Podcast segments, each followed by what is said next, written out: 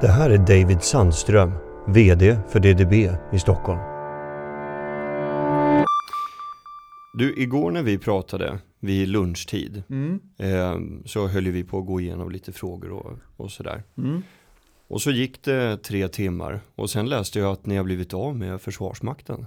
Mm. Visste du det när vi pratade i, i telefon igår? Nej, jag Eh, fick reda på det vid eh, fem igår, Ja, 17. ja då, då, var det, då var det 17.30 i sådana fall som jag läste det. Ja, där någonstans tror jag att du läste det. Och jag Mm. tror att jag fick reda på det ungefär samtidigt som det kom ut i media. Faktiskt. Måste en, inte det, ursäkta svenskan, men måste inte det suga rätt hårt? Att få höra från det via, via medierna? eh, Att ja, men- en sån långtgående relation till en kund nu är över? Ju, eh, jag vet inte, jag tycker, eller om man bara pratar om eh, processen i sig, jag tycker att det också, om man ska knyta ihop säcken till mitt preussiska ursprung, det är ju lite charmen tycker jag med Försvarsmakten också, att det är, det är så rätt och rakt och enligt protokoll. Så de skickar ut hur upphandlingen har gått och samtidigt som de skickar ut hur upphandlingen har gått så skickar de ut en pressrelease. Mm. Ehm, så jag vet inte, på ett sätt, rent känslomässigt så kan man ju säga ja, det suger. Men jag tycker processen i sig är ingenting att säga om. Den är bara så som Försvarsmakten gör. Mm. Och så som den här lagen om offentlig upphandling funkar. Mm. Ja, så precis. Så du fick ingen förhandsbesked eller någonting? Nej, det fick jag inte, utan allting har gått Ja. helt rätt By the book. Ja, Mm. faktiskt. Exakt, det borde ju du vara nöjd över. Ja, men jag är ju, eller jag är imponerad av det, hur Ja. man kan ratta en sån organisation Ja. så pass by the book. Men, men vad då, vad gjorde ni fel då? Vad var, det som, vad var det som gjorde att det gick till volt istället? Ehm, Nu, jag ska ju säga det, att det, nu är det ju, eh, DDB har ju alltså för dig som inte vet haft eh, Försvarsmakten som, som kund under flera års tid. Och eh, utifrån en artikel i Dagens Media som jag läste igår så lät det som att nu har en av era nyckelkompetenser gått från DDB till Volt och det är därför de byter. Är det så? Alltså det finns jättemycket att säga om det här och jag vet inte Mm. liksom hur mycket jag ska prata om det här i en podcast. Men jag kan väl säga att om man tror att lagen om offentlig upphandling, om man tror att det systemet är så ytligt och lättvindigt uppbyggt att Försvarsmakten byter byrå på grund av att en kreatör byter byrå. Då har man inte koll på lagen om offentlig upphandling kan jag säga. Utan Mm. och det tycker jag är ju hatten av för Volt att Försvarsmakten följer inte med en kreatör utan Försvarsmakten byter för att de har gjort en bedömning att Volt är en, har gjort en stark upphandling. Jag hade ju förberett en fråga här att eh, ni på DDB har ju valt att placera er kompetens till stor del inhouse. Blir det inte Mm. känsligt nu? Nu har ni blivit av med ett rätt stort konto. Jag läste den frågan, det var en av de frågorna du skickade över innan så Ja. den har jag givetvis läst. Och jag måste säga, jag förstod inte varför det skulle vara känsligare för oss att tappa en stor kund än för någon annan att tappa en stor kund. Alltså en eh, stor kund Nej, är en stor kund. Eh, är det ju givetvis.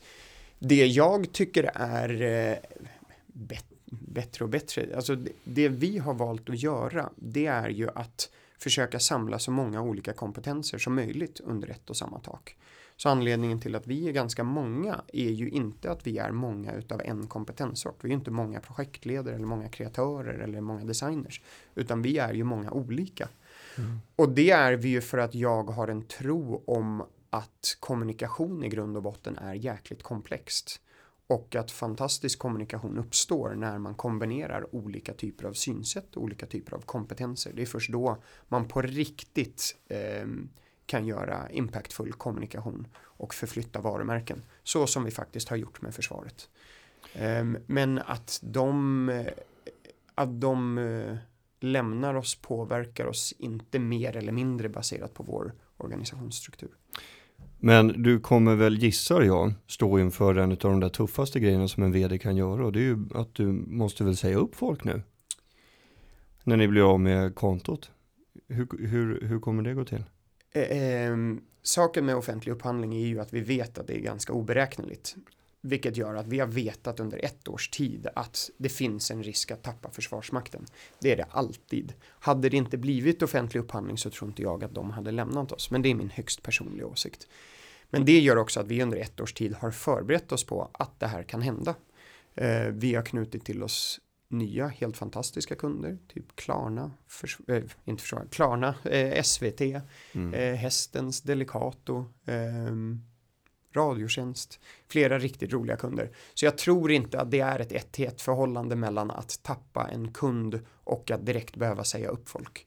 Det skulle jag tycka var ehm, ganska dåligt ehm, management måste jag säga. Mm. Hur gör man det? Vad tänker du? Ja, men att man blir av med ett konto men man, man släpper inte taget om någon.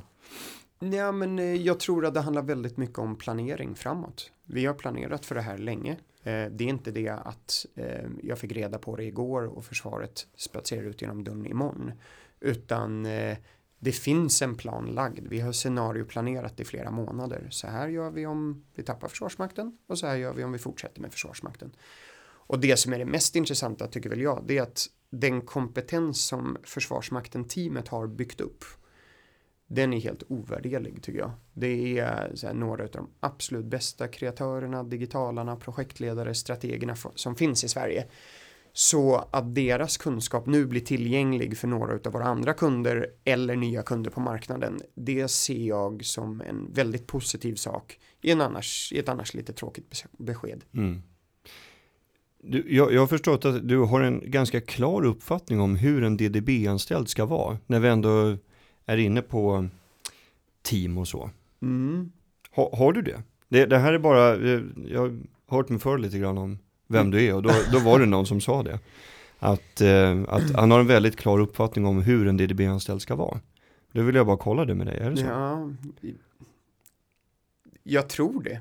Jag tror att jag vet vad som vad som krävs för att eh, tycka att det är kul och orka vara med på den resan vi är på med DDB som vi har varit de tre senaste åren.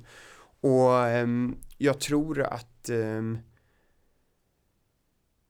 ja, men det krävs ett speciellt sorts virke i en person för att, ehm, för att fixa det helt enkelt. Eh, mm. för jag tror att DDB är en lite jobbigare en lite bångligare och eh, en lite intensivare byrå eh, än väldigt många. Och jag tror att man måste gilla det. Man måste gilla de olikheter jag beskrev tidigare. Man måste gilla det fulla, fulla fokuset på att göra fantastiska saker. Um, och man måste orka. Jag tycker att det är för få som orkar.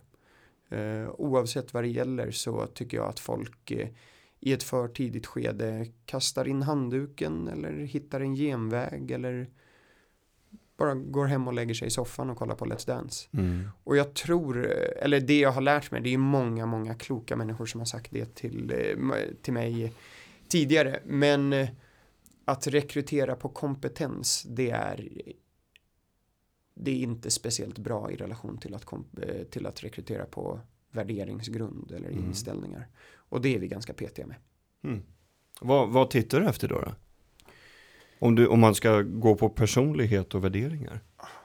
Och hur får du fram dem under en arbetsintervju? Ja, eh, det, det är olika. Och där kommer ju dels, om jag svarar på det sista först, så tror jag, där kommer informella ledarskapet in väldigt mycket. Mm. Eh, det är inte bara jag som träffar någon och så kritar vi eller kritar vi inte på ett anställningsavtal. Nej, just det, just det. Utan så här, jag har ju möjlighet att låta folk som har varit på byrån i tio år och som vet vilken resa vi är inne på, vilken kultur och vilket sorts, vilken sorts personlighet som krävs, träffa de här personerna. Så vanligtvis så träffar man ju 10-12 personer innan man börjar hos oss. Och till det så kompletterar vi med ett personlighetstest och mm. vanligtvis även case beroende på vilken typ av roll man kommer in på. Så vi försöker att belysa en person från så många vinklar som möjligt. Mm. Och det är lika mycket för personens skull som för vår skull. För jag tror att eh, jag tror att DDB är oerhört polariserande. Antingen så tycker man att det är skitjobbigt och man förstår ingenting och det var ett jättedumt beslut att börja på DDB. Eller så tycker man att det är helt fantastiskt att ha så oerhört kompetenta och intensiva människor runt omkring sig som har det fulla fokuset på att skapa fantastisk kommunikation. Hur är ni polariserande tänker du? Ja, men jag, jag, jag har nog svårt att sätta ord på det. Men vad jag har märkt är att folk som kommer till oss efter två, tre månader vet att så här, Det här var mitt bästa eller sämsta beslut någonsin. Branschens ostron. Precis, så jag tror, eller snarare så här, man kommer inte till oss och bara tycker att det är halvmysigt. Nej. Man kommer inte till oss och glider med. Eh, utan eh, det som karaktäriserar väldigt många på DDB är att man vill förändra saker.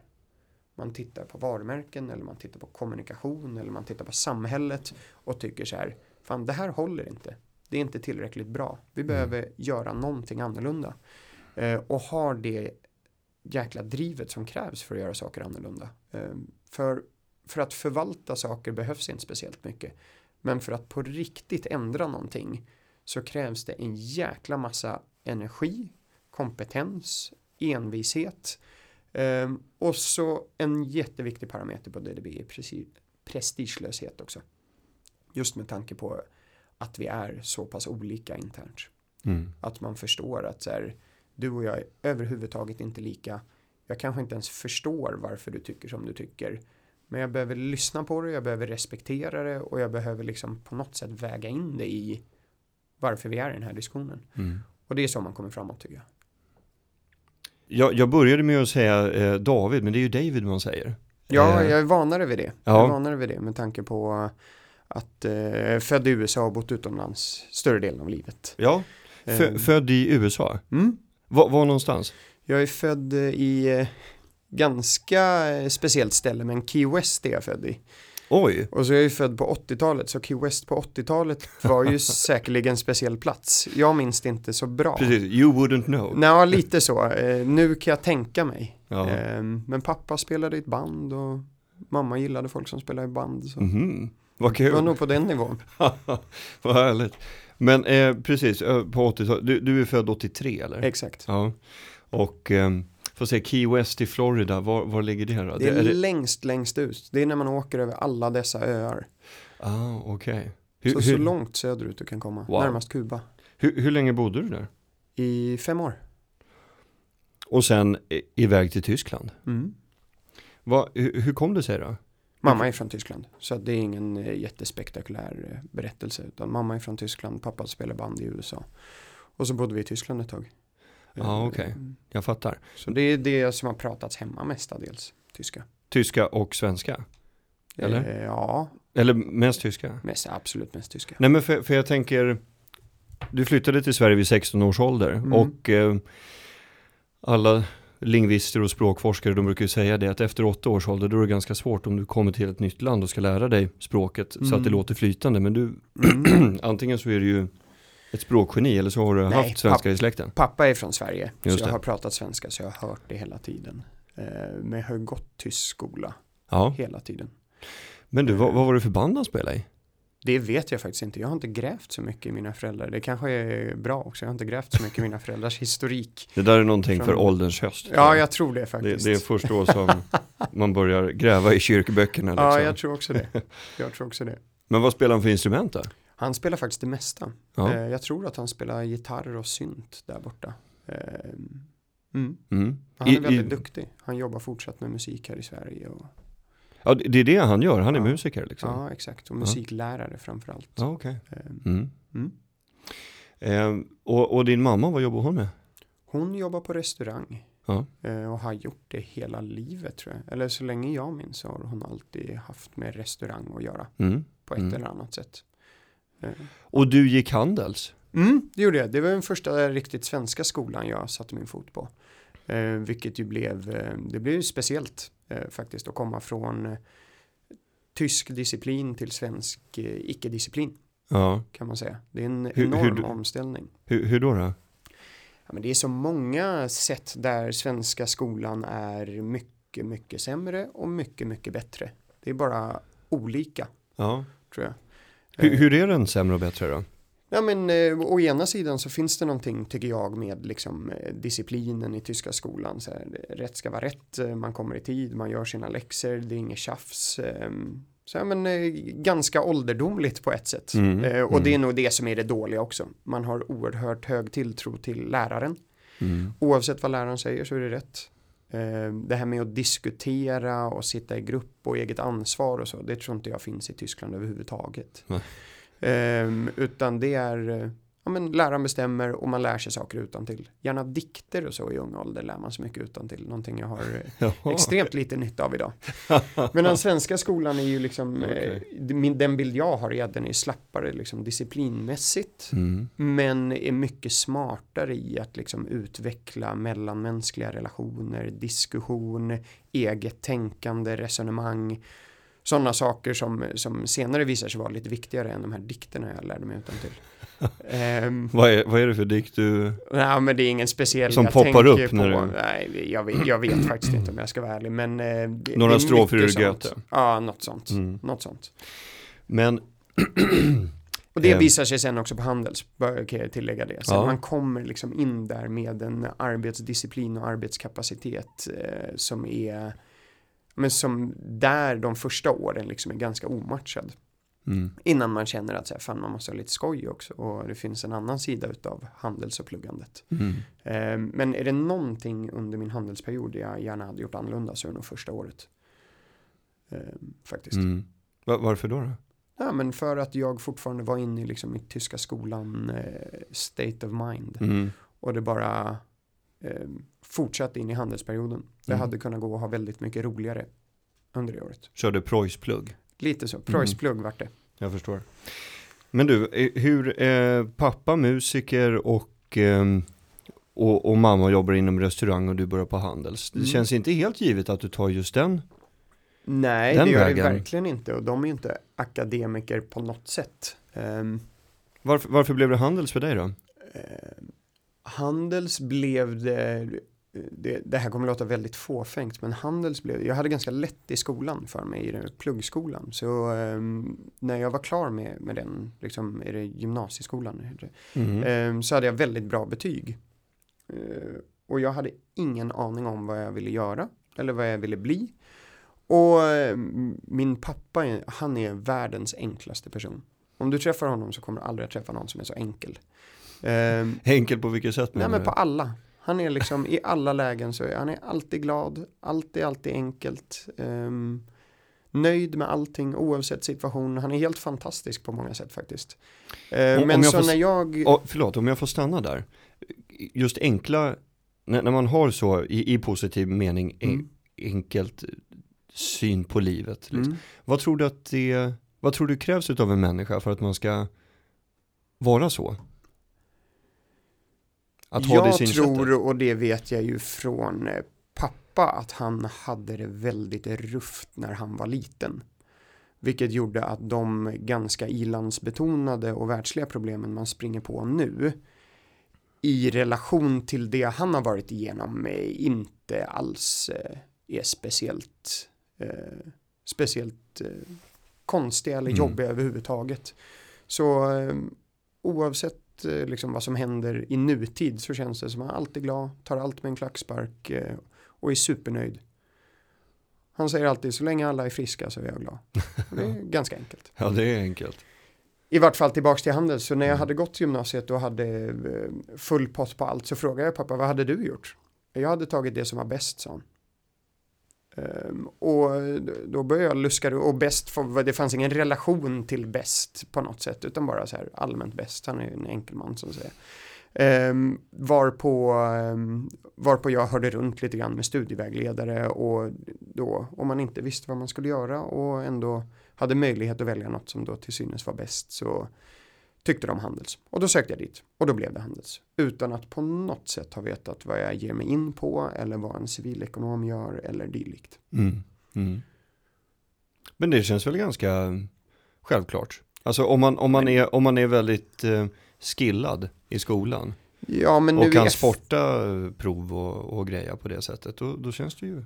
Då ska man ju fortsätta göra det man är bra på, tänker jag. Eller? Ja, absolut. Um, det enda, så här, jag har nu tycker jag att saker har blivit väldigt bra till slut ändå, men så här, det tyska skolan har varit dålig på, det är ju kanske så här passionsdrivna yrken och så. Alltså mm. Tyskland är ju ganska stereotypt. Du blir ingenjör eller läkare eller dylikt. Finns det ett tyskt ord för det? Passionsdrivet yrke? Nej, nej, nej, nej, nej, nej, det är helt svart, det är ja. helt uh, mörkt. Men när du slutar gymnasiet där så är det ju inte så att de frågar vad drömmer du om, vad brinner du för, vad mm. älskar du, utan man fortsätter på den banan. Men jag hade tur, Handels blev väldigt bra. Väldigt, väldigt bra. Men, men jag tänker om man tittar på den tyska ekonomin, det går ju inte jättedåligt för dem. Jag menar, de, de har ju, det, det, det rullar ju på. Ja, men det Överskattar är vi den här kreativiteten och ju... Ja, rörelsefriheten som vi har i Sverige? Eh, jag tror bara att det beror på vad man mäter. Alltså det du säger när du säger, eller det du menar när du säger att det går bra för Tyskland så tittar du på ett BNP-mått. Eh, vilket är ju på något sätt produktivitet, pengar, eh, export, Mm. lite sådana eh, saker. Precis. Ehm, och om man tittar på världen med de glasögonen så går det ju fantastiskt för Tyskland. Eller det har gått bättre och beroende på vad som Mm. händer med bilindustrin nu så Exakt. får vi se. Men så går det ju bra. Men med andra mått och kanske lyckomått, Eh, välmående, sådana saker så vet jag faktiskt inte hur det går för Tyskland. Där kan jag tänka mig att det faktiskt går bättre i mer självuppfyllande länder. Och så tror du att det, här kommer bara en teori från avbytarbänken här, men alltså är det är det, det som gör att eh, vi har så hyllade byråer i Sverige? Att man, att man har frihet under ansvar i skolan och att man har elever som vågar ifrågasätta lärare. Så att allt det här, alla de eftergifter som man känner att man behöver ta av en, vad många säger ska vara en slapp skola, det får man tillbaka i tänkande individer som är kreativa och har ett högre mått av välbefinnande. Eh, jag tror det är i viss utsträckning. Jag tror att det man också får tillbaka är ganska slappa studenter. Alltså så här, slapphet ger slapphet och vissa repar sig inte det. Men i det stora hela så tror jag att vi har en, vi fostrar en väldigt kreativ kultur här i Sverige. Framförallt så är vi, om man nu ska fortsätta jämförelsen med Tyskland så är det, mm, vi är väldigt bra på att inte tvinga folk att falla in i ledet utan att faktiskt bejaka olikheter, att låta folk vara annorlunda. Ehm, vi är duktiga på mångfald i ett eh, bredare begrepp, eh, tycker jag. På att tillåta mångfald, på att tillåta olikheter. Och det tror jag i sin tur ger avkastning på eh, nytänkande. Och det ser man inte bara i de kreativa byråerna utan så här, den startupkulturen vi har här. Eh, de, de fantastiska hjärnor vi exporterar till utlandet. Men också de eh, liksom, kreativa näringarna och byråerna vi har här. Eh, tror jag beror väldigt mycket på att vi inte har en sån konform struktur i skolan. Sen finns det andra saker också som socialt skyddsnät och sånt. Men det har ju ältat så himla mycket. Men eh, för, för dig då med den bakgrunden du har nu som vd för DDB i Stockholm, eh, kan man inte bli frustrerad då? Att du, du har plötsligt anställda som är vana vid att ifrågasätta auktoriteter och så gör de inte som du säger. Jo, men jag, jag hoppas ju att jag är liksom eh, eh, jag har inget bra begrepp för det, men jag hoppas, ju, jag hoppas och tror att jag är lite av en speciell tysk.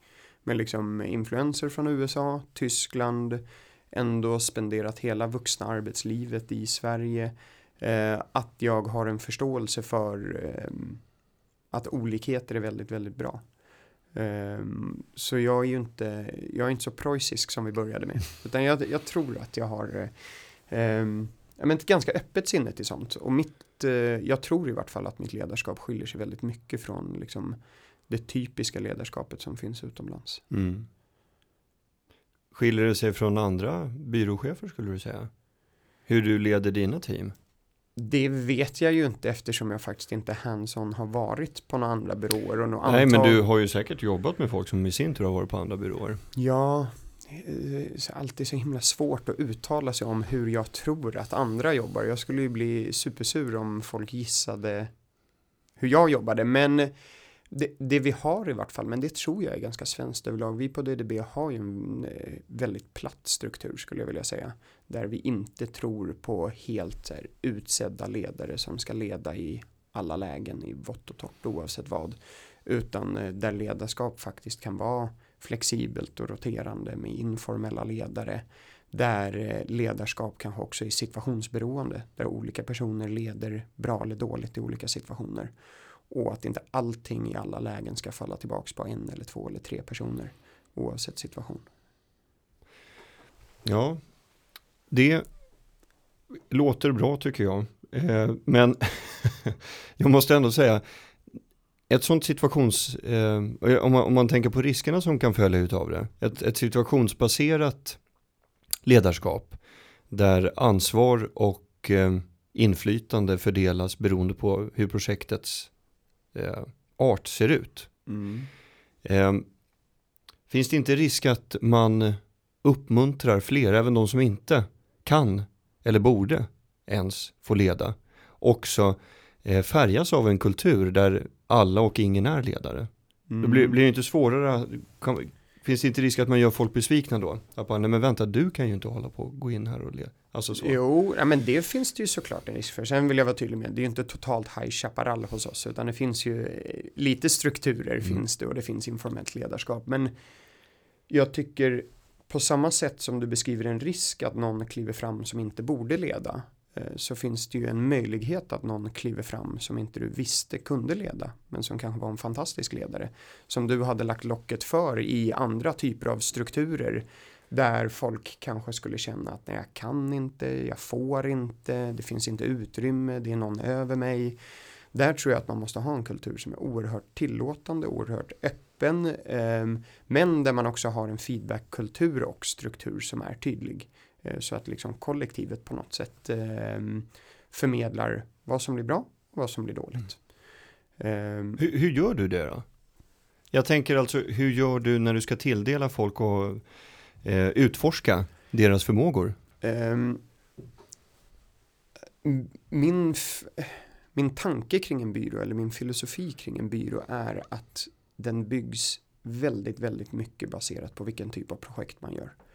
Vilket gör att en byrå formeras mycket runt just projekten och hur bra eller dåliga de blir. Så jag, jag, jag är personligen allergisk mot säga general management på en byrå där man mm. generellt bara leder eller hanterar. Och har försökt få DDB fokuserat kring projekt och kring kunder. Så allting händer i självaste liksom, kundprojekten och kunduppdragen. Då är det mycket lättare att se vilken typ av personlighet, vilken typ av profil, vilken typ av kompetens som är viktig för att göra respektive projekt fantastiskt. Det är skillnad på att göra ett liksom, designprojekt över tre års tid fantastiskt och leda det teamet och guida det teamet kontra att göra en liksom, fem veckors VR-kampanj som bara ska ut och göra något annat kontra att göra en stor varumärkesresa som vi gjort tillsammans med exempelvis McDonalds. Mm. Eh, då är det mycket lättare att prata om ledarskap, om kompetenser, om att kliva fram eh, snarare än att göra det i största allmänhet. Du har ju sagt att du inte var förvånad över att tilldelas vd-uppdraget. Du blev ju vd förhållandevis ung, 29 mm. år gammal. Um, och till resumé så sa du då i samband med att du tillträdde din vd-post att du inte var så förvånad att tilldelas vd-uppdraget eftersom du sett dig själv som en informell ledare på byrån och att ni på DDB har en kultur med informella ledare. Jag, jag, mm. ska, jag ska inte hålla på och eh, älta det där till döddagar men jag tänker ändå en sista fråga kring det. Internt, jag, jag, jag, förstår det här med, med att eh, kunder kan det är bra att visa den flexibiliteten gentemot kunden. Mm. Att, man, att man har ett situationsbaserat ledarskap. Att du låter en person som är bra på att köra långbänk på grejer också bossa över sådana projekt. Men internt, hur, hur stävjar man förvirringen? Um, alltså, över vem det är man ska prata med? Alltså det är ju inte, det vill jag också vara tydlig med, det är ju inte total förvirring. Vi har ju fortfarande chefer, vi vet ja. vem som sätter löner, mm. vi har tydliga utvecklingssamtal. Så är det absolut, men även internt så tror och hoppas jag att olika personer leder bra i olika situationer. Vissa är mycket bättre på att prata om projektrelaterade situationer, andra är bättre på att prata om eh, liksom mellanmänskliga saker jag som anställd kanske tycker att du är lite svår att prata med i vissa situationer men hon, hon är skitduktig att prata med. Det blir lättare för mig att öppna upp med det, lättare för mig att gå till henne.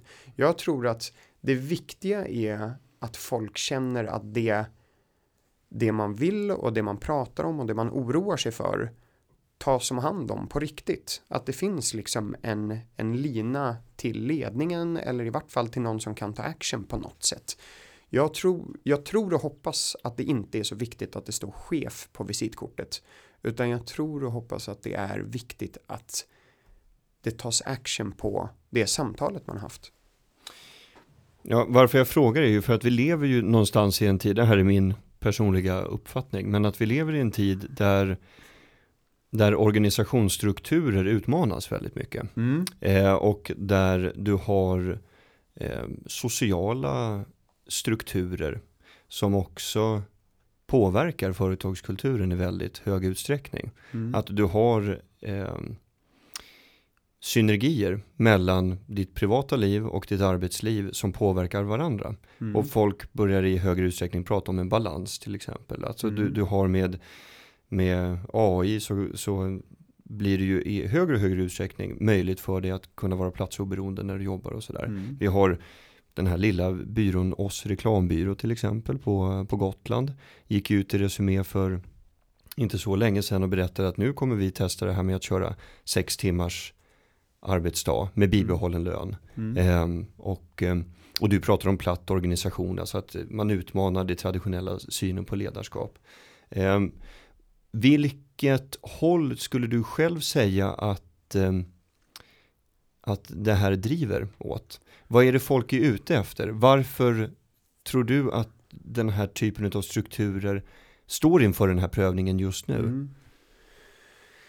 Jag, för att ge ett lite luddigt svar så tror jag att... Ja, det var en luddig fråga. Ja, det var det. Så nu kontrar jag här. ja, det får du gärna um, men Jag tror att utvecklingen drar åt olika håll. Jag tycker att vi historiskt sett, och det gäller nästan allting, och det ser man även i liksom kommunikationen som görs, så är folk oerhört intresserade och peppade på att hitta den heliga graalen. Att hitta en lösning som ska lösa alla mina problem. Jag tror att saker som så segmentering, bejaka olikheter och faktiskt bejaka en utveckling som går åt en mängd olika håll. Det kommer att bli nyttigt för oss som land, som kreativt land. Jag tycker att de på Gotland, de ska verkligen köra sitt race. Titta om det funkar, se vem som vill hänga på dem på den resan och så gå all in på det. Vi som har ett helt annat race, vi kör det racet och så ser vi vilka talanger som vill sökas dit. Och jag tror att båda de måste kunna samverka. Jag tror att vi går ifrån en tid då liksom någon större makt eller staten säger att så här, det är sju skivor skivat bröd. Fan vad det var svårt att säga. Ja, eh, som gäller om dagen. Ja. Och så ska alla anpassa sig till det. Mm. Till att snarare faktiskt bejaka att det finns olika sätt som olika sätt som funkar lika fantastiskt. Mm. Det är en tanke som, eh, som inte verkar ha landat hos så många.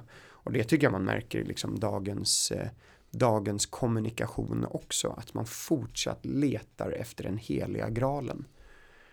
För tio år sedan så skulle reklam dö, då skulle PR ta över mm. allt. Och nu är det dags för reklam att dö igen, nu ska content ta över allt. Mm. Alla ska göra content. Och PR-byråerna försöker hitta nya lösningar också. Exakt, mm. istället för att bejaka att så här, antagligen så kommer det finnas en miljon olika sätt som man på ett jävligt vasst sätt och mm. med olika smarta hjärnor måste kombinera för att hitta en fantastisk lösning. Men det som är en fantastisk lösning för dig kanske inte är det för mig. Och det tror jag, tillbaks till organisationsfrågan, jag tror och hoppas att det kommer finnas en jäkla massa olika organisationer som tilltalar olika inre drivkrafter. För vissa pratar om life balance som att man ska slå upp en jäkligt stor mur. Eh, work-life balance, som mm. att man ska slå upp mm. en jäkligt stor mur mellan worket och lifet. Jag jobbar när jag jobbar, sen smäller jag upp en stor mur, jag stänger av och så går jag hem och så har jag mitt life. Det är ju en filosofi. Ett annat sätt att se på work-life balance, det är ju att göra jobbet så fantastiskt roligt, så fantastiskt flexibelt och så fantastiskt inspirerande. Så att du överhuvudtaget inte känner muren. Att göra muren så låg som möjligt. För då får jag work-life balance. För jag inte känner när jag rör mig mellan de olika delarna. Jag kan hänga med mina barn och jobb, Förstår du hur jag mm, tänker? Ja, ja, absolut, absolut. Och jag vet inte vilken filosofi som är bäst. Nej. Jag tror att de två filosofierna måste få samexistera. Och attrahera olika människor. Just det. Men allting drunknar i nyhetens behag. Ja, det blir Typ. ju lite så. Nyhetens behag och Mm. som sagt jakten på den heliga graalen. Jag Mm. tror att jag har knäckt koden. Och så har det ju visat sig de senaste 200 år att man aldrig har knäckt koden. Utan att man bara har kommit ett litet steg närmre någonting annat. Ja. Ja, nu snackar ju alla native och Nu är det content. dags för native och content. Och Mm. det är fantastiskt och det kommer finnas kvar hur länge som helst. Och det kommer bli en väldigt, väldigt viktig sträng på lyran. Om man säger så. Mm. Men Mm. lyran blir jävligt trist med bara en sträng.